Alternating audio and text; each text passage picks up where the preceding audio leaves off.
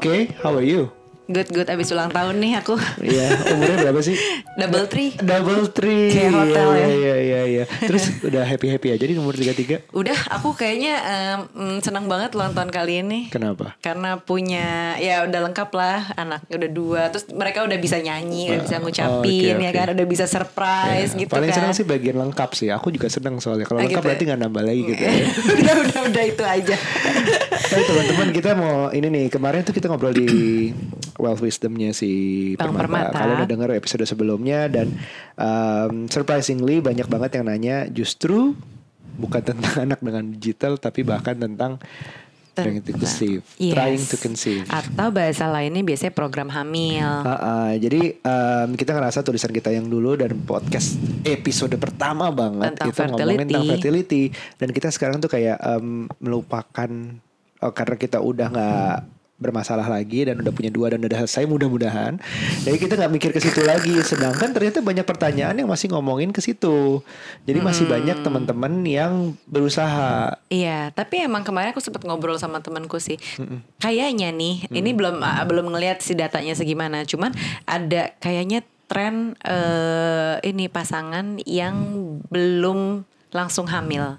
Itu lebih Oke. banyak Oh, sekarang. naik lagi sekarang bukannya naik lagi sekarang tapi sepertinya trennya naik gitu, gitu. karena kalau kita lihat misalnya dari teman-teman yang udah menikah nih misalnya lima yang baru hamil tuh misalnya baru dua padahal nikahnya tuh hampir deketan atau mungkin bahkan duluan tapi entah kenapa justru tuh eh, mungkin sekarang faktor udara nggak bagus Iya. terus faktor stres tinggi global warming climate terus change faktor makanan kayaknya Iya. mempengaruhi deh sedikit Benar. banyak ya nggak sih teknologi juga bisa Iya. bisa bikin stress anxiety segala macam Iya, gitu. atau hormon dari makanan itu kan. Mm, mm, mm, Gitu. Nah, ini banyak hal banget yang harus dipelajari sebelum sampai kita ke hamil. Mungkin Oke. banyak yang wondering kan, kenapa sih gue udah tujuh tahun nikah, udah coba ini itu kok belum berhasil? Atau misalnya ada yang 10 tahun sudah menikah, Iya. terus udah coba sampai akhirnya mungkin udah di level pasrah juga ada ya Iya, teman kita ya. sampai mempengaruhi hubungannya Iya. gitu hubungan suami istrinya tapi juga ada yang baru satu tahun dua tahun tuh merasa sudah stresnya sama dengan yang 10 tahun Iya, gitu. kok gue nggak hamil-hamil Oh, gitu nggak kan. hamil karena masih ya nggak tahu lah setiap orang tuh penerimaan akan stresnya kan beda-beda ya. Iya, belum lagi stres kok si teman kita udah hamil duluan ya, padahal nikahnya kan baru aja. Iya, sosial media yang bikin Hmm, iri gitu. Sosial media tuh bikin kita pressure di situ. Gitu. Nah, hari ini tamu kita nih tamu istimewa. Karena kita look up banget. iya, istimewa karena membantu waktu melahirkan Shua. Selama hamilnya Shua dan melahirkan. Selamat pagi Ibu Lani. Pagi Mbak Nuca, pagi Mas Aryo, apa Pagi, kabar? Bu. Itu ulang tahun nih. Habis ulang tahun Ibu. Yang keberapa? Ketiga-tiga. Hai, selamat ulang tahun Terima Mbak Nuca. kasih. Mau nambah lagi satu? Hey, Ibu dia mau. Bu, kita ke sini kepentingannya benar buat podcast bu. Bukan itu tadi ya. Baik, baik, siap, siap, siap. Eh, Ibu Lani ini adalah seorang apa ya tepatnya aku bilang karena kita tuh ngelihatnya Bu Lani banyak gitu membantu kita dalam banyak hal kemarin yang kita dibantu adalah bagian hypnobirthingnya tapi sebenarnya menurut kita sebelumnya kita berharap kita udah ke sini dulu udah tahu duluan ya waktu itu Iya, ya kalau anak pertama gitu kita ya. nggak tahu Kita nggak tahu itu. sih dulu. jadi dari bagian mau men- punya anak pun Bulani juga sudah eh, mengerti artinya sudah berkecimpung di bidang itu ya Iya. Hmm, bulan ini bidan sekaligus apalagi dula dan apalagi bulan ini boleh diceritakan deh bulan Oh ini. boleh boleh. Eh, jadi nama saya Lani Guswandi dan background saya sebenarnya bidan. Saya dari Rumah Sakit Karolus tahun 1978. Wow, Jadi jadi, tapi jangan khawatir selalu update ilmu dari yang muda-muda. Iya iya iya Bulani ini Nah. itu monggo Oke, tahun 2002 memang eh, saya mengembangkan hypnobirthing itu pun sebetulnya kayak dapat tugas dari dokter Tubagus Erin Kusuma yang beliau mengamati klien-kliennya tuh semakin hari kok semakin banyak. Jadi kok psikiater anak eh, bawa orang tuanya tentunya kasusnya kasus kejiwaan gitu ya. Dan dari hasil anamnesa beliau bilang ini sebetulnya anak-anak ini bisa dicegah nggak usah ketemu saya. Oke. Nah, pencegahannya mulai dari hamil. Nah, setelah hamil harus eh, mempersiapkannya as a whole, holistic gitu ya. Jadi Oke. body, mind, and spirit.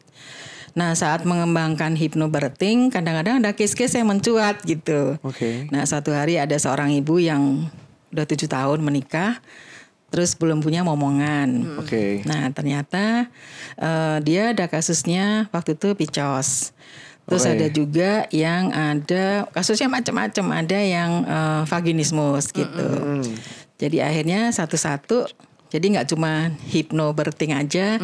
Akhirnya mengembang ke hypno fertility, hypno pregnancy gitu.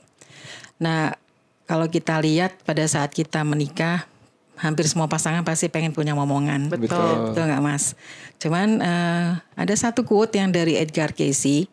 Edgar Casey itu sebenarnya seorang bapak penyembuh holistik di Amerika, tepatnya di Virginia. Oke. Jadi dia berpesan sebenarnya di pada saat kita mau hamil, kehamilan itu hukumnya hukum Tuhan.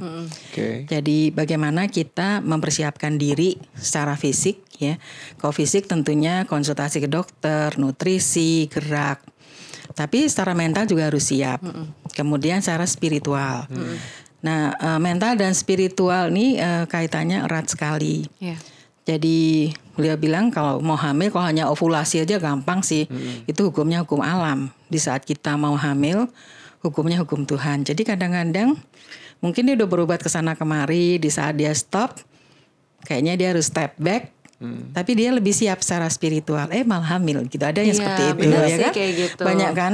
Uh, kalau dari pengalaman aku Pengalaman kita juga sendiri, gitu ya. Uh-uh, justru aku tuh udah kayak berusaha secara fisik uh, ario operasi varikokel, aku juga udah laparoskopi, terus udah di HSG berapa kali, Ins- uh, inseminasi uh, juga. inseminasi, terus kayak udah pokoknya secara fisik kita udah melakukan semuanya. Tapi memang sih aku tahu sebenarnya secara sadar di karena aku pada saat itu orang yang sangat perfeksionis, Bu. Oke. Terus jadi yang ngeblok aku tuh di pikiran banyak banget, over overthinking juga kayak ini pasti kalau gue datang ke sini orang nanyanya kok lo belum hamil sih. Jadi kayak setiap ke mana aku tuh ada perasaan canggung gitu. Betul. Nah hal-hal itu kayaknya numpuk. Jadi begitu aku ke berbagai macam dokter dan belum berhasil.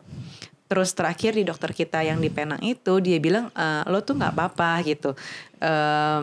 Kit- coba deh ini abis di laparoskopi kalau nggak hamil tiga bulan nanti kita inseminasi tapi harusnya sih lo bisa normal menurut Ya. dokternya gitu terus aku coba tuh abis itu aku mulai yang rajin yoga eh, Makan pokoknya sehat. makan sehat pokoknya intinya sih secara apa ya itu bu apa pikiran tuh aku bener-bener lebih rileks dengan yoga itu jadi aku menemukan peaceful di situ eh nggak taunya hamil normal gitu kan Nah itu udah terbukti Mbak Nucha. Iya, jadi itu aku mm, apa ya? Maksudnya secara fisik aku tetap usaha, tapi Iya. emang ternyata ada hal-hal lain ternyata ya Bu ya. Aku sampai sempat juga sih ngomong sama mamaku, kenapa ya kok ini belum hamil-hamil ya? Aku takutnya mungkin mamaku ada perasaan yang mengganjal gitu loh, atau papaku ada yang mengganjal juga. Takutnya ada hal-hal kayak gitu kan Bu. Betul.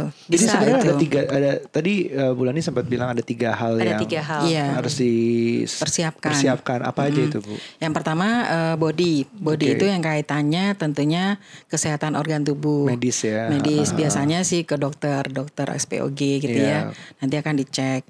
Kemudian eh, selain itu tadi nggak Mbak Nucha lakukan eh, olahraga. Iya. Sekarang kan banyak banget yang namanya generasi milenial tuh mager kan. Yang gerak cuma jempol sama telunjuk doang gitu kan. Terus pas cepet hamil gitu Iya, ya, iya, iya, gitu iya. ya.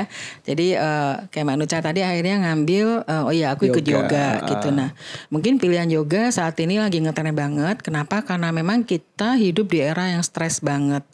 Jadi kerja stres, perjalanan stres gitu. Jadi kalau di yoga aku support banget karena gerakan-gerakannya juga akan menseimbangkan eh, otot, Iya. organ, kemudian metabolisme peredaran darah semuanya banyak lah di Nafas, situ. Mm. Nafas Ah, ya. ah. Nah, kemudian eh, gerak eh kesehatan organ, kemudian main. Nah, main ini memegang peran hampir 90%. 90% Iya, oke. jadi kalau misalnya dia ada sesuatu di bawah sadarnya, kayak tadi Mbak Nuca ada nyebut juga, aku coba ngobrol sama ibu, mungkin aku pernah punya sesuatu yang kurang nyaman, nah itu coba di, dinyamankan kembali gitu, ngobrol, ngomong, curhat gitu ya, dan kita memang butuh doa juga dari orang tua kan. Ah. Nah, kalau secara spiritual tentunya eh, tergantung dari ritual agama masing-masing. Kalau yang saya selalu bagi, eh, mungkin secara ritual, eh, secara spiritual itu lebih ke universal. Jadi di saat kita belum dapat momongan, yuk belajar sabar. Mungkin Tuhan lagi ngajarin kesabaran buat kita. Bener sih. Nah, kan? Ha-ha. Terus yuk kita belajar tenang. Mungkin kita harus belajar ketenangan dari nunggu ini gitu. Iya. Karena di saat hamil, bersalin, besarin anak tuh butuh tuh semuanya gitu. Banget. Bantu banget kan? Banget. Jadi kayaknya itu kan eh, satu perjalanan gitu yang kita harus tempuh. Nah cuman eh, bisa ngebayang nggak kalau kita misalnya udah lima tahun suruh sabar, suruh tenang gitu, itu sesuatu yang nggak mudah. Jadi akhirnya memang harus ngelatih ngelatih diri gitu. Iya, Yang kita- tadi dibilang mindfulness atau apa pun boleh aja. Kita bisa bahas misalnya satu-satu ya body, tadi body, mind Iya. dan spirit. Kalau body mungkin uh, kita bisa ngobrol ke dokter SPOG Iya, tadi. lebih tepatnya. Lebih tepatnya kalau at least lo tuh harus diperiksa gitu Iya. secara medis, entah itu periksa sperma, periksa uh, ovu, ovariumnya segala macam. Iya. Itu harus diperiksa apakah ada Yes. penyakit apa enggak sebelumnya. Bahkan kita pernah menyarankan kalau bisa sebelum menikah pun ada yang namanya premarital check up. Nah itu paling pas sebetulnya karena tapi rata-rata orang Indonesia kan nggak bisa kayak gitu tuh ya, Iya. nggak mudah gitu. Ah, Apalagi ah, ah. kalau aku lihat beberapa kasus itu eh, mungkin bapak-bapak suruh paling mudah sebenarnya kan analisa sperma, tapi rata-rata bapak-bapak kan nggak mau gitu. Iya. Ah, itu itu nggak enak sih bu memang. Iya, aku ngerti nggak ya. enak. Ah, Tapi ah, ada juga bapak yang bisa, ya oke aku tes gitu. Kalau udah analisa spermanya kurang bagus kan bisa dibetulin langsung. Benar. Nah, sedangkan periksaan wanita kan lebih banyak banget gitu kan Iya. ya. Jadi gini, kita mau sampaikan juga ke pendengar kita yang mungkin sama sekali belum belum menikah dan belum pernah kepikiran untuk premarital check up. Jadi itu sebenarnya ada dulu tuh pikiranku premarital check up tuh untuk tahu dia ini ngomongin apa sih HIV, AIDS. Terus kalau iya gimana? Kita nggak usah jadi kawin apa gimana? Soalnya banyak yang worry-nya juga. Aku Iya termasuk sih. kayak gitu karena belum tahu apa-apa, belum belajar apa-apa tentang premarital waktu itu. Terus jadi ya gitu mikirnya kayak gitu. Terus apa? Kalau tahu terus apa? Kita nggak jadi married. Sebenarnya mungkin yang harus sampaikan bukan begitu. Tuh, Jadi ada solusinya kan? ada solusinya untuk at least tahu itu dulu. Ada apa, salahnya di mana, yang dilakuin nanti aja pikirinnya sesudah tahu dulu. Kalau kita nggak tahu lebih parah lagi nanti pas di Betul. sesudah menikah gitu. Benar. Banyak nggak sih Bu em, yang berakibat harusnya yang bisa dicegah dengan premarital misalnya. Banyak. Jadi contohnya Banyak, kayak- seperti penyakit apa tuh Bu? Kayak contohnya kayak misalnya yang aku sering alamin gitu ya, kayak misalnya sperma yang nggak sehat, itu kan pasti bisa disehatin. Kemudian ada juga yang sekarang yang eh, yang banyak picos gitu, orang harus begini begini. Ternyata pada saat dia surrender juga hamil gitu, Iya. nggak boleh harus eh, yang tadi yang gemuk harus langsing. Kadang-kadang orang gemuk Iya, kalau iya, langsing iya. itu kan challenge banget gitu. Iya, iya, iya, nah, iya. kalau yang menarik sebetulnya karena biasanya kalau saya suka prakteknya di Bunda, lebih di Morula. Jadi udah ada pembagiannya masing-masing Mas Aryo. Iya. Jadi kalau fisik itu tentunya ke dokter SPG dan timnya. Heeh. Kemudian yang kedua, eh, kalau misalnya dia ada masalah ini semuanya oke, kok nggak hamil-hamil juga gitu. Nah itu biasanya akhirnya kita aku suka dipanggil. Oke. Nah mungkin di bidang mentalnya. Nah sebenarnya sederhana sih di mental tuh pernah aku ada case itu eh, pasangan gitu ya, yang dia saat nikah dia itu eh, ngobrol sama suaminya. Pokoknya kita punya rumah dulu ya, punya rumah, punya mobil, baru kita punya anak gitu. Ah. Oke. Nah ternyata lima tahun menikah, dua-duanya belum punya, rumah masih ngontrak, Iya. ke mana-mana naik motor gitu, Iya. dan nggak hamil-hamil. Nah saat ngobrol, terus saya bilang, "Eh, nah itu sebenarnya bisa di delete sih. Ya sekarang delete nya gimana? Ya karena itu udah diinstal di jiwa bawah sadar ya kita reprogramming bahwa saat ini walaupun saya nggak belum punya rumah, belum punya mobil, Mobil. tapi kita siap loh supaya spirit baby masuk ke dalam rahim ibuku dan tujuh bulan hamil. Oh. Dan itu eh, main. Iya itu main. Dan jadi mainnya memang harus dibetulin. Gitu ya Bu ya, segitu pentingnya Bu. Penting banget. Biasanya apa sih Bu yang mempengaruhi atau yang istilahnya eh, ngeblok pikiran kita, terutama mungkin perempuan kali ya yang lebih banyak pikirannya, ngeblok pikiran kita sampai akhirnya tuh sebenarnya itu tuh ternyata menghambat perempuan nih untuk hamil gitu. Ya. Apa sih Jadi Bu? Apa eh, aja? kalau kita lihat eh, sebetulnya manusia itu diciptakan dalam keadaan sebaik-baiknya oleh Sang Pencipta. Kita punya tubuh fisik, kita punya jiwa dan kita punya spirit.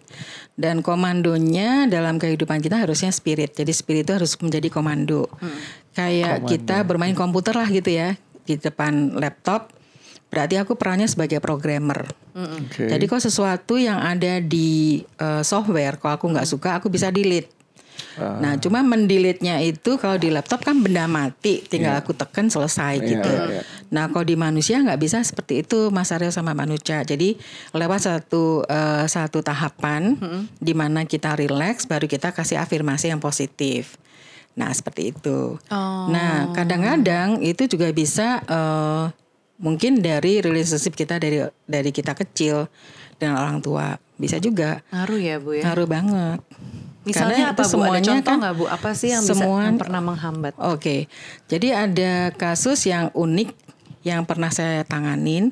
Itu ada seorang ibu menikah. Nah, saat menikah dia kayaknya siap gitu, udah pesta rame. Tapi waktu berhubungan seksual itu dia nggak bisa sama sekali. Jadi langsung apa pahanya nutup gitu. Jadi penis sudah ereksi. Waktu mau masuk mau penetrasi dia nggak bisa langsung nutup ngunci itu. Ada ya kayak Nah gitu. setelah dia kun- eh, setelah dia coba beberapa kali tetap kayak gitu. Nah Hmm. untungnya suaminya masih ngambil S2 di Australia, suaminya balik, istrinya di sini. Nah waktu konsultasi, terus saya tanya, saya trace back, ternyata dia memang punya trauma waktu dia umur 3 tahun. Nah tiga tahun itu kalau dari psikologi itu masa Felix, masa seksual anak-anak. Oh. Nah ternyata biasanya anak-anak di situ tuh suka mengagumi yang lihat kelaminnya. Oh, anak kita tiga tahun ya. Iya, masih mulai. akhirnya tuh lagi tiga tahun. Jadi Oke, parenting tujuh tahun pertama tuh penting banget Mbak Nuca sama Mas. Aryo. Nah ternyata anak ini eh, dia lagi pegang-pegang vaginanya gitu, ayahnya dateng. Nah yang dateng dia takut, tapi ayahnya kaget juga gitu kan langsung ambil sapu lidi dipukul. Dan ayahnya ngucap jangan masukkan benda apa pun ke dalam alat kelaminmu. Nah itu langsung di Kerekam. Kerekam. Soalnya jadi dia merekamnya sebagai bahkan penis pun nggak boleh masuk ke iya situ. benda apa pun. Benda Ah, benda apa pun. apa pun. Terus tapi juga ayahnya dalam keadaan umur tiga mungkin nggak akan ke- kepikiran untuk menjelaskan kecuali penis ya gitu. Iya. Bingung juga dia mau jelasinnya. Ngeri juga dong. Mungkin dia juga takut tuh tiga Ah, tahun, ah. Iya juga nggak sih. tahu Oh, kali iya, ya. harus diajarin lebih salah lagi. Memang uh, memang penting banget ya. Kadang-kadang aku juga ngerasa anak tuh dari dari kita ngasih seribu kata ke dia gitu ya. Iya. Yang masuk tuh justru satu dua kata yang kita nggak mau masuk gitu. loh. Kadang-kadang yang kita nggak rencanakan untuk sebenarnya masuk. Misalnya aku nggak nggak sengaja lagi ngomong ke ibunya ngomongin hal orang gede lah ya. Tiba-tiba yang dia dengar yang bagian itu. Padahal kita mau ada 900 kata lain kamu harus inget nih gitu. Iya, inget yang itu. Inget yang Inget. itu. Iya Emang harus sih. kontrol Berarti itu ya. memori di umur 3 tahun ya sebelum 7 tahun ya Bu ya. Iya. 7 tahun pertama tuh Tujuh tahun penting. itu kan gerbang bawah sadar terbentuk. 0 sampai 7 itu dia gampang banget ngerekam. Oh, Oke. Makanya di situ eh, kenapa kita harus tahu basic parenting, kemudian sama positive parenting atau kita bisa nyebutnya hypnoparenting karena kita harus bisa memberikan kaidah-kaidah yang positif gitu. Betul betul betul. Oke jadi eh, mungkin bisa di kalau misalnya pendengar kita ini ada yang masih program hamil dan kira-kira ngena, iya ya gue mungkin ada sesuatu kali dengan masa Iya. lalu gue mungkin bisa coba di trace back Iya. juga sih. Iya. susah itu ya Susah Ah, sih trace back-nya. susah pasti kayak mengakui ada yang salah dengan diri sendiri itu pertama susah kali ya Karena Biasanya juga itu mungkin. bisa dideteksi juga sih. Kayak misalnya sekarang umurnya berapa sih? 23 gitu ya. Ah, misalnya. Jadi 0 sampai 23 ada dibagi dua aja secara sederhana. Nanti eh, dari 0 sampai eh, 23 berarti 12. Ah. Ada nggak trauma di sini gitu? Atau yang 12 sampai 23 atau di sini gitu. oh gitu Nah, biasanya trauma yang paling dalam sih memang di dalam kandungan, sejak dalam kandungan. oh Kemudian trauma anak, anak 3 tahun. Nah, terus sampai 7 tahun pertama ini. trauma paling dalam ada di kandungan ya berarti Iya. itu saatnya dia kan nggak akan tahu dia harus ngobrol sama orang tuanya Iya. Itu ya itu Oh penting gitu banget sih Bu. Itu itu efeknya jauh juga ya Iya. sampai bisa Efeknya sampai jauh ke juga. situ. Karena penyelesaian dengan orang tua atau orang sekitar itu kan penting ya. Itu salah satunya untuk tahu apa yang terjadi sih waktu hamil. Em, apakah ya nggak enak sih nanyanya apakah ibu-ibu bapak bahagia atau ada yang per- ada yang perlu di share gitu harus cari waktu momen yang tepat untuk ngobrol sama orang tua dan situasinya gitu. Hmm, Oke oke oke itu Tapi selalu ada jalan keluar lah. Selalu ada jalan keluar. keluar. Cuma memang Oke. butuh kesabaran. Nah itu yang ujian yang paling kuat pada saat kita mau hamil.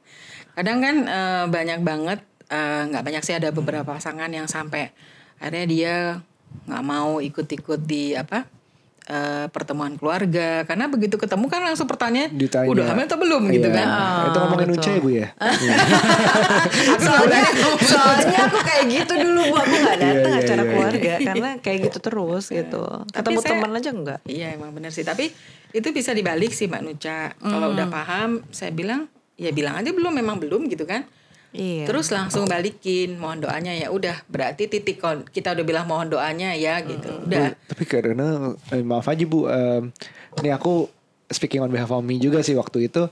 Ada yang kayak saudara juga bilang ah mau sok kalah sama adiknya. Adikku udah punya anak duluan. Ah mau gimana sih nggak talk chair nih itunya gitu. Itu panas banget ya Mas ya. panas iya banget. kayak Iya, gitu gitu sih. kan. Padahal udah bilang mohon doa ya tapi dibalasnya kayak gitu juga. Iya, aduh iya deh. belum. Udah gitu aku udah yang kayak nggak marah di saat itu. Tapi begitu dengar kayak gitu ya udah deh yuk pulang yuk Eh, tergantung kita saat itu. Kalau misalnya kita bisa ngadepin ya datang. Kalau nggak bisa mungkin ya sementara Nggak jangan apa-apa datang juga dulu. ya. Itu Iya kan, sih, benar. Itu kan pilihan kita nggak masalah sih. tapi sebenarnya harusnya juga nggak lari terus ya Iya, harus sekali-sekali hadepin. dihadapin gitu Iya Kalau pas kuat adepin, kalau pas lagi ah ntar deh ya Iya. di rumah aja sekali-sekali. Iya sih. Ini ketakutan-ketakutan mau punya anak ini em, ini kan yang ngomongin main ya. Em, aku dulu juga pernah mikir bahwa ini pasti juga banyak orang yang nggak mau anak gue sengsara misalnya. Tadi ibu pernah cerita juga yang belum punya rumah, belum punya mobil, nggak mau punya anak dulu, atau nggak yang belum punya rumah nggak mau menikah. Kalau aku dulu takutannya adalah gue pokoknya nggak mau anak gue melarat gitu. At least, Oke. at least eh, dia bisa makan lah gitu. Kebetulan eh, ya standarnya cukup rendah lah ya bisa makan. Nggak, nggak- dia harus jadi presiden lah itu nggak akan punya anak sampai sekarang. gitu. Jadi maksudnya em, ketakutan-ketakutan itu aku bilang aku percaya sih memang itu kayak bisa ngeblok sesuatu dari kita punya anak entah gimana caranya badan atau spirit itu akan ngerasa ngeblok sesuatu. betul. Jadi dulu tuh aku nggak percaya yang namanya kayak rezeki nikah gitu. Maksudnya apa sih lo harus menikah biar tajir gitu, biar eh, biar cuan gitu. Tapi aku percaya sekarang eh, mungkin rezeki nikah dengan arti yang berbeda bahwa kalau menikah itu eh, pertama ada pressure bahwa em, ini yang bergantung sama diri lo bukan lo doang nih sendiri nih bahwa ada istri dan anak mungkin nanti. Terus kedua bahwa bisa aja bahagia. Jadi kombinasi dari pressure itu dan kebahagiaan ada orang di samping itu bisa bikin kita lebih produktif dan Iya. lebih kreatif lebih apa akhirnya efektif menghasilkan lebih. Tapi bukan berarti bahwa punya istri punya anak demi rezeki banyak.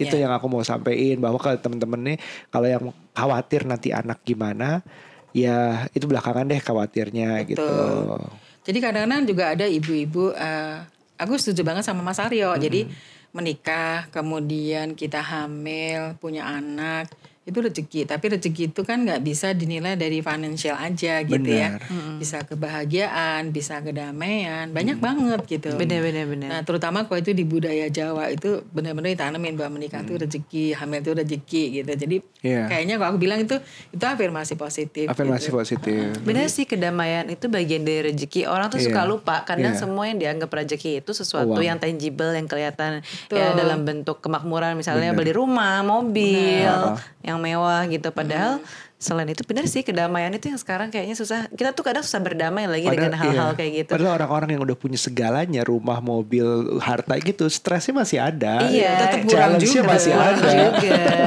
Belum tentu hamil juga orang-orang Iya. itu gitu, nggak menjamin. tadi balik lagi Bu ke pembahasan tadi belum selesai soalnya baru baru satu poin tadi Iya, iya, ngomongin iya, iya. balik lagi apa sih yang bikin ngeblok orang Iya. eh, pasangan itu belum men- belum punya anak Oke. gitu pertama, pertama tadi kan soal relationship sama orang tua gitu kan Oke, Jadi kalau dilihat dari tubuh manusia itu eh, tadi aku bilang kayak eh, komputer ciptaan Tuhan. Kita menyebutnya bayi komputer.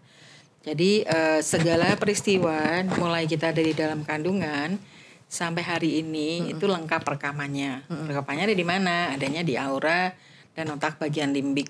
Nah, kalau di aura ada rekaman-rekaman yang negatif, mungkin ada ngomongan orang tua atau kita relationship, berarti kan akan nyangkutnya di cakra namanya. Cakra itu pusat-pusat energi. Oke. Nah, cakra yang kaitannya dengan organ reproduksi cakra kedua.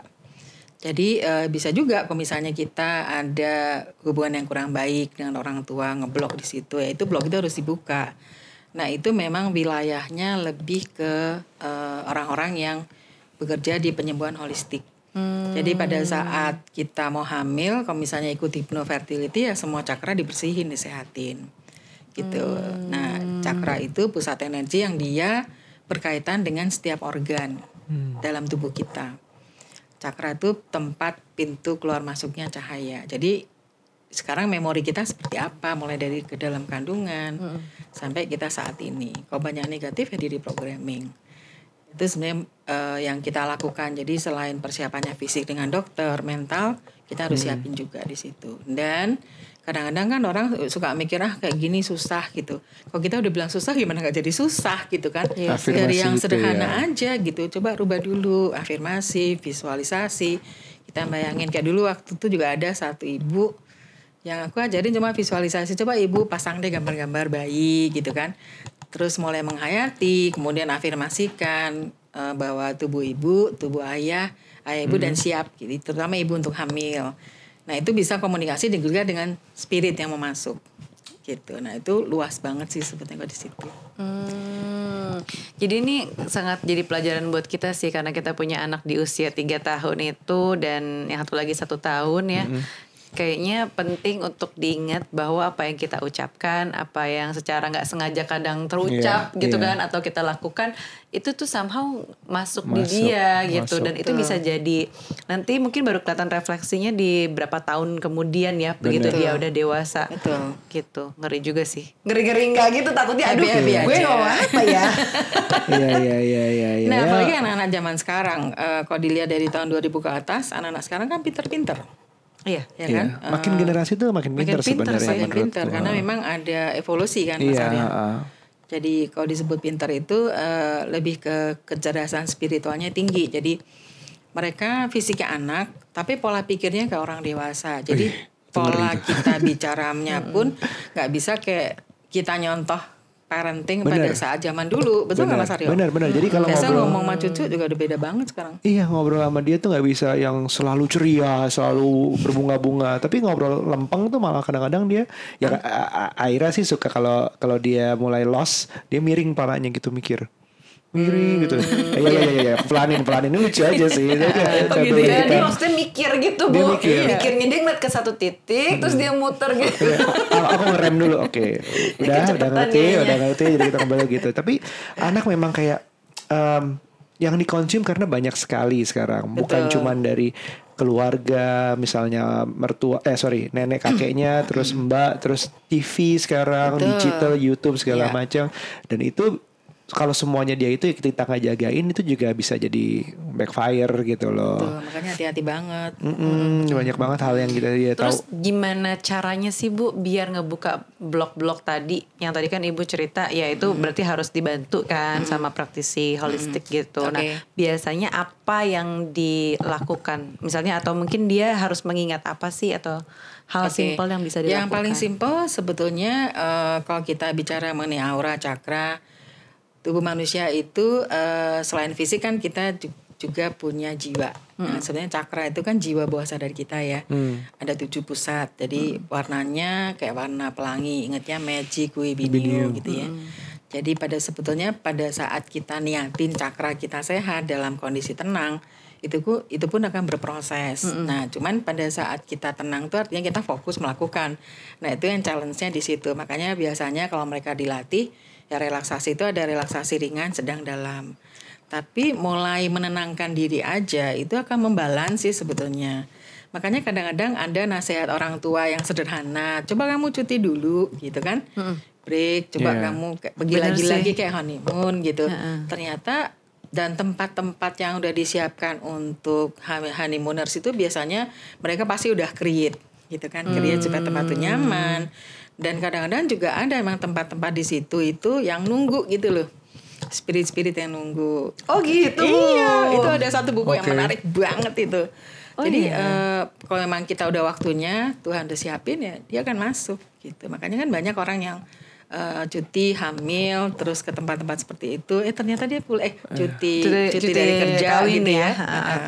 Ya dia Iya, pulang hamil. harusnya memang tujuannya meningkatkan stres gitu-gitu ya. Karena stres itu pasti akan membuat tubuh kita jadi nggak balance kan, mulai dari hormonal, mulai dari energi Iya. semuanya kelihatan. Jadi kalau bisa kalau honeymoon itu jangan ya bawa laptop kerjaan Iya, lagi iyalah, iya.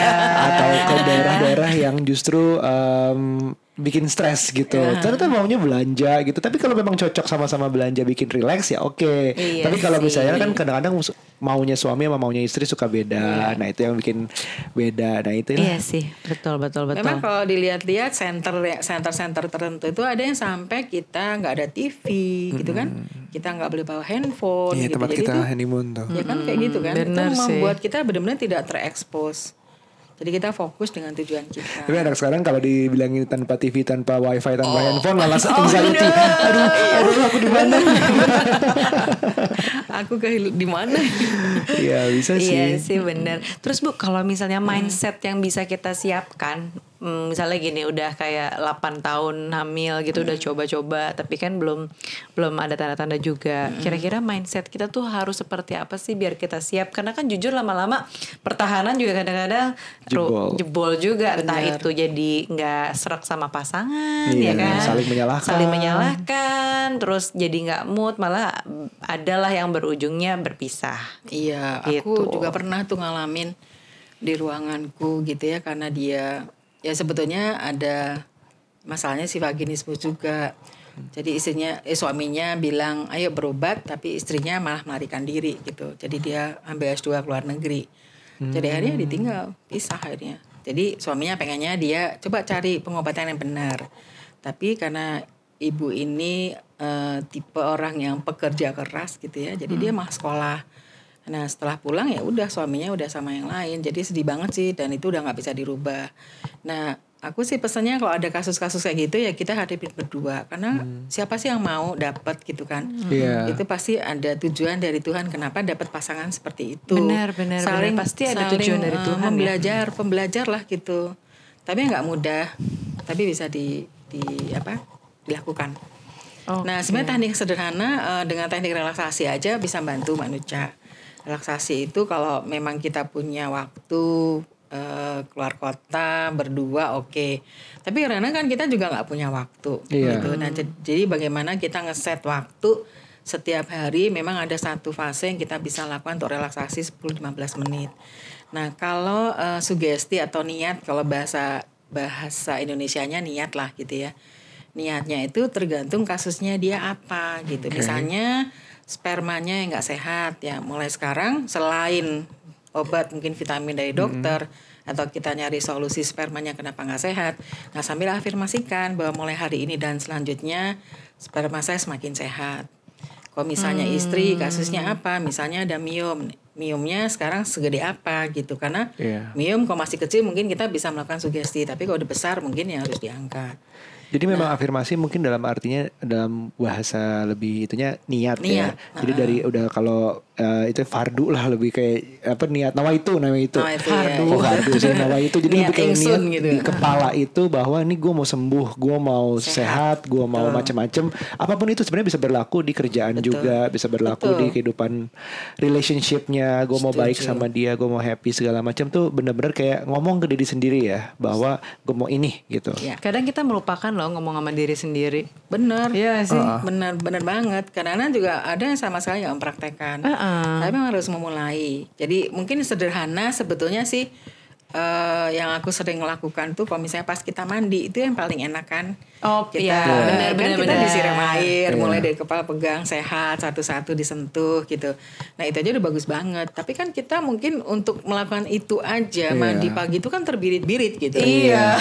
Belum sekarang diganggu anak kan. iya, mandi aku nggak pernah tenang bu. Buru-buru sekolah segala macam ya ya ya ya. Iya, atau malam pas mau tidur gitu. Jadi itu hal yang sederhana tapi kita sering lalai melakukan. Bener sih, mungkin karena kita juga kadang me- melupakan diri sendiri. Iya. Padahal kalau lagi berdoa, misalnya kalau kita kan yang Muslim sholat ya, sholat itu kan kita berdoa tuh. Nah, ketika berdoa sebenarnya kan kita lagi bicara sama Tuhan gitu kan. Dan juga tahu. bicara sama sama diri diri sendiri sendiri. sebenarnya ya Benar. Tuhan, aku tuh merasa gini gini gini deh gitu. Terus sebenarnya kan kita ngobrol Iya, gitu itu kan. itu itu em, jangan jangan hanya ritualnya tapi spiritualnya juga. Nah, betul. Jadi eh, yang eh, kalau misalnya kita eh, menyampaikan, yuk eh, lakukan afirmasi gitu, harus menyiapkan waktu khusus. Kadang-kadang memang susah. Kayak misalnya eh, banyak klien yang harus berangkat dari rumah setengah enam sampai rumah itu udah jam 8 malam. Jadi mau latihan kayaknya nggak mungkin. Iya. Jadi aku selalu bilang coba sekarang eh, kalau misalnya kliennya pas agamanya Islam, saya bilang pas sholat. Setelah selesai sholat itu fase yang paling benar-benar mungkin kita berada berada di theta delta otak kita rileks banget kalau kita fokus ya. Nah di situ tambahin afirmasinya Iya, gitu. Nah benar. itu sekarang yang dilakukan juga ke ibu hamil, ibu mau hamil gitu. Jadi eh, pakai waktu itu. Nah cuman saya suka bilang kalau pada saat kita berdoa memang nggak ada hukumnya harus menggunakan kalimat yang positif. Tapi kalau di hipnoterapi setiap afirmasi itu kita pakai kalimat Positif. yang positif karena kalau kita pakai kalimat negatif bawah sadar itu nggak bisa ngerangkum. Jadi misalnya eh, kita bilang melahirkan tidak sakit gitu ya. Mungkin sakit aja nyelonong masuk ke bawah sadar jadinya sakit. Tapi kalau kita bilang nyaman jadi nyaman gitu. Jadi kata-kata tidak akan Iya. jangan sebaiknya dihindari. Oke. Jadi mulai hari dan selanjutnya seluruh tubuhku siap, seluruh pikiranku siap, spiriku siap untuk menerima kehamilan. Nah garisnya di mana dengan maaf ya denial gitu. Bahwa dia sebenarnya ada masalah misalnya tapi tapi dia terus bilang gue nggak apa-apa gue nggak apa-apa gue positif gue apa segala macam taunya tuh gimana? Ini benar-benar gue afirmasi positif atau sebenarnya menyembunyikan masalah? Oke, jadi kalau memungkinkan, memang kita bisa mengurai masalahnya. Oke. Hmm, Tapi kalau misalnya enggak, kita dengan afirmasi positif aja itu mungkin ibaratnya kayak kita nyetel eh, CD. oke CD itu mungkin lagunya eh, lagu dangdut. Oke. Kemudian aku pengen rubah nih jadi lagu salsa gitu. Aku timpa aja lagu salsa. Dia kan jadi salsa. oke Jadi pikiran kita seperti itu Mas Aryo. Nah Oh, ya. memang eh, waktunya mungkin akan lebih panjang. Tapi kalau dia bisa curhat, kemudian dia eh, bisa cerita dengan seseorang, berarti kita kan- dia kan lebih lega, gitu. Nah kalau di sini kalau misalnya orang itu denial, kelihatan kan dari Iya. gaya bicara. Aku biasanya pakai foto aura. begitu Jadi foto aura itu kayak lab- laboratoriumnya. Heeh. Dari aura itu kan kelihatan. Dia di tiap cakranya kan kelihatan. Misalnya dia banyak banget sebenarnya nyimpan kesedihan nih gitu. Nah itu di cakra jantungnya mungkin nggak kelihatan. Gitu. Oh gitu. Ibu lihat aku gimana bu? bagus, cantik. Glowing. cakra. Selalu yang bener. Bu, dulu gimana dulu Coba. waktu pertama kali Bisa ketemu dibaca belum? Bisa dibaca bu dulu gimana? Ya, kita juga cerita kali ya waktu pertama kali ketemu Bulani itu kita kayak justru agak-agak ke marriage counselor gitu. Tidak lah. Sempat Iya ditanyain sih. kita sendiri gimana. Tapi itu penting. Aku setuju sih. Maksudnya bukan uh, marriage counselor kita niatnya kayak ke marriage counselor lebih ke arah kayak Bulani sempat nanya-nanya tentang kita sendiri masing-masing gimana perasaannya. Karena itu pentingnya satu sama lain sebelum apalagi kita mau menghadirkan makhluk hidup di dunia ini kalau kitanya masih belum Benar. ya belum bener, belum siap, belum apa itu Iya ya sih. sebaiknya ya pelan-pelan dulu gitu. Iya, Jadi ya memang kayak kita diajak ngobrol waktu itu em, berapa ya setengah jam awal tuh isinya ngobrol tentang kita Iya. doang gitu. Belum Iya ya, sebelum ada baru dikasih habis itu. ilmu atau apa gitu. Ya Iya gitu sih, sih. Supaya persepsinya sama. Persepsinya sama. Ada bukan benar framing, salah ya.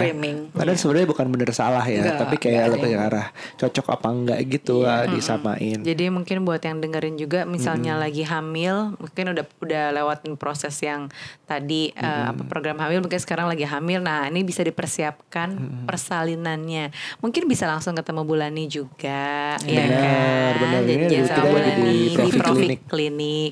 Instagramnya nanti ditulis sama Aryo juga ya. Mm, pasti pasti. Nah kita eh, rangkum lagi jadi sebenarnya ada body, mind, and Mind, spirit. Semua yang harus dilakukan secara selaras. Ada waktunya sendiri-sendiri, ada jalannya cara-cara yang sendiri-sendiri juga. Nah itu nggak akan kejadian kalau misalnya satu kurang di di yang lainnya gitu ya. Kita juga masih mengingat body itu ada expertnya, mind itu ada expertnya dan juga bisa ngomong ke diri sendiri itu tadi juga penting banget tuh yang bisa dilakukan secara waktu. Kalau yang Islam bisa saat sholat, kalau Ya. yang Katolik saat um, Berdoa. berdoa. Kalau misalnya juga bahkan misalnya mau saat mandi juga tadi bisa dibilang. Atau meditasi atau meditasi butuh ada ilmunya ya kita ya mandi dulu lah setidaknya Betul. gitu. Banyak banget. Dan secara spiritual kalau bisa lakukan benar-benar spiritualnya juga selain ritualnya. Betul, dua-duanya ya. dua-duanya. Ada gerakan memang tapi kenapa gerakan ini kenapa kita ngobrol ini minta ini bersyukur ini tuh semua. Mm-mm. Duh. Jadi emang dan semuanya itu harus dilatih nggak bisa langsung instan sih Bener. dalam satu kali. Terus tiba-tiba eh, selesai. Misalnya yang tadi sesuatu ada hal yang ngeblok di diri kita itu tiba-tiba hilang sendiri itu nggak mungkin. Pasti harus dilatih sama kayak waktu yang aku melahirkan ya Bu ya. Wah, makanya itu banget. itu kan. Aduh. hypnobirthing itu harus dimulai justru dari awal. Hamil ya Bu ya Iya. karena itu harus dilatih terus-terusan kan. Gitu. Jadi sampai melahirkan kira-kira tahu tuh di dalam pikiran kita apa sih yang harus kita bayangin Hmm, gitu. Aku inget banget tuh di saat kamu yang Shua udah detik-detik mau sesar sesar. karena harus sesar Itu gitu kan biasa eh, tuh. Aku coba ngomong yang ibu ajarin kan Iya. harus ngomong sama janinnya ayo kita lahirnya ayo kita keluarnya Ah, ah, normal senam-senamnya juga. Ah, ah, kayak gitu-gitu Jadi, jadi, emang- kayak akhirnya aku udah siap tuh ya udahlah lebih mahal nggak apa-apa deh ya udah. Kalau bapak-bapak pasti mikirin ada Iya, lima. iya, iya, itu salah satu lah. Iya, kalau aku belum belum ada acceptance waktu itu karena pas dibilang mau "Ah, ini harus sesar deh kayaknya harus karena kan udah pecah ketuban tuh. Betul. Di bayanganku, waduh, udah gue lahir normal pertama masa sekarang juga robek sih gitu kan sesar. Aduh, nggak boleh ya kalau cuma normal aja Iya. gitu. Jadi nggak usah ada jahitan Iya. lainnya gitu kan. Iya. Terus makanya tapi ada acceptance ya udah deh. Kalau misalnya emang harus, ya udah nggak apa-apa gitu. Terima aja. Terima aja. Mungkin Tapi lebih- ternyata jadi lebih kasih ringan. sesuatu yang beda ya. Iya, amazed Iya. banget Itu sama luar dia biasa. waktu itu. Dia Kenapa? amazed banget sama dia. Perjalanannya Iya. sebenarnya awalnya nggak nerima, terus akhirnya jadi terima, jadi dapet gitu. Itu kan dampaknya ke sini juga banyak kan Mbak Nusa dengan proses itu. Makanya eh, selalu kita bilang birth is rebirth. Jadi kita pasti akan rebirth. rebirth. Ya, betul. Ya. Oke. Ya, Shu- eh, si Shua juga karakter yang sedikit lebih tenang kok daripada Oh, Ayu. Iya beneran Oh, bu Aduh dia lebih beda banget sama kakaknya Lebih tenang Tapi ya bagusnya gitu Jadi kombinasi Aku punya anak yang lebih anteng Sama yang rame banget gitu Jadi lucu sih bu Rame. Jadinya Lengkap, rame lengkap. gitu Makanya kata kunci tadi di awal lengkap udah. Lengkap sudah Bulani terima kasih banyak Eh aku atas satu hal oh, boleh iya. Boleh, boleh, boleh, boleh. boleh, eh, boleh. Mbak Nuca cerita. Jadi banyak eh, banyak sih ibu-ibu yang tipenya itu mikirnya terlalu panjang. Biasanya kita tipe-tipe yang orang kinestetik gitu ya. Nah eh, kadang mau hamil aja udah mikirin nanti anakku bisa sekolah kayak gitu. Jadi Iya, terlalu iya. panjang. Iya, benar, gitu. benar, benar. Itu banyak banget ibu-ibu yang kayak gitu sekarang. Aku bisa nanti gedein anak nggak ya? Ya jawab aja langsung pasti bisa. Makanya di situlah kita selalu bilang kehamilan itu rezeki dari Tuhan gitu dari Allah. Nah mulai belajar lebih ke menyederhanakan pikiran. Kalau mau hamil ya mulailah berdiri di sini ya pikiran kita di sini.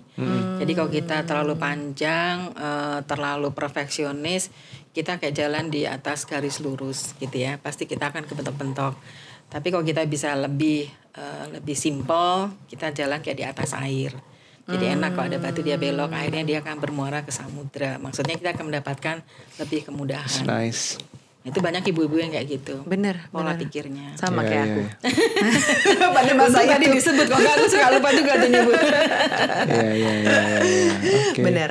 Oke, terima kasih banyak Om Malani. Sama-sama. Udah jadi tamu kita hari ini sangat Makasih Ica, spesial. kehormatan buat kita. Makasih Mas Aryo. Terima Makasih kasih juga udah membantu waktu Selalu persalinan Shua kemarin. Sama-sama. Selalu menyenangkan ke sini, Bu. iya. Terima kasih banyak waktunya. Uh, semoga curhat babu ini ngebantu episode ini. Nanti deskripsi tentang Bulani ada di Kolom deskripsi kita. iya, kolom deskripsi kita. Oke, Bu. Terima kasih. Sampai ketemu berikutnya. Oke, Bye. Makasih. Bye. Bye.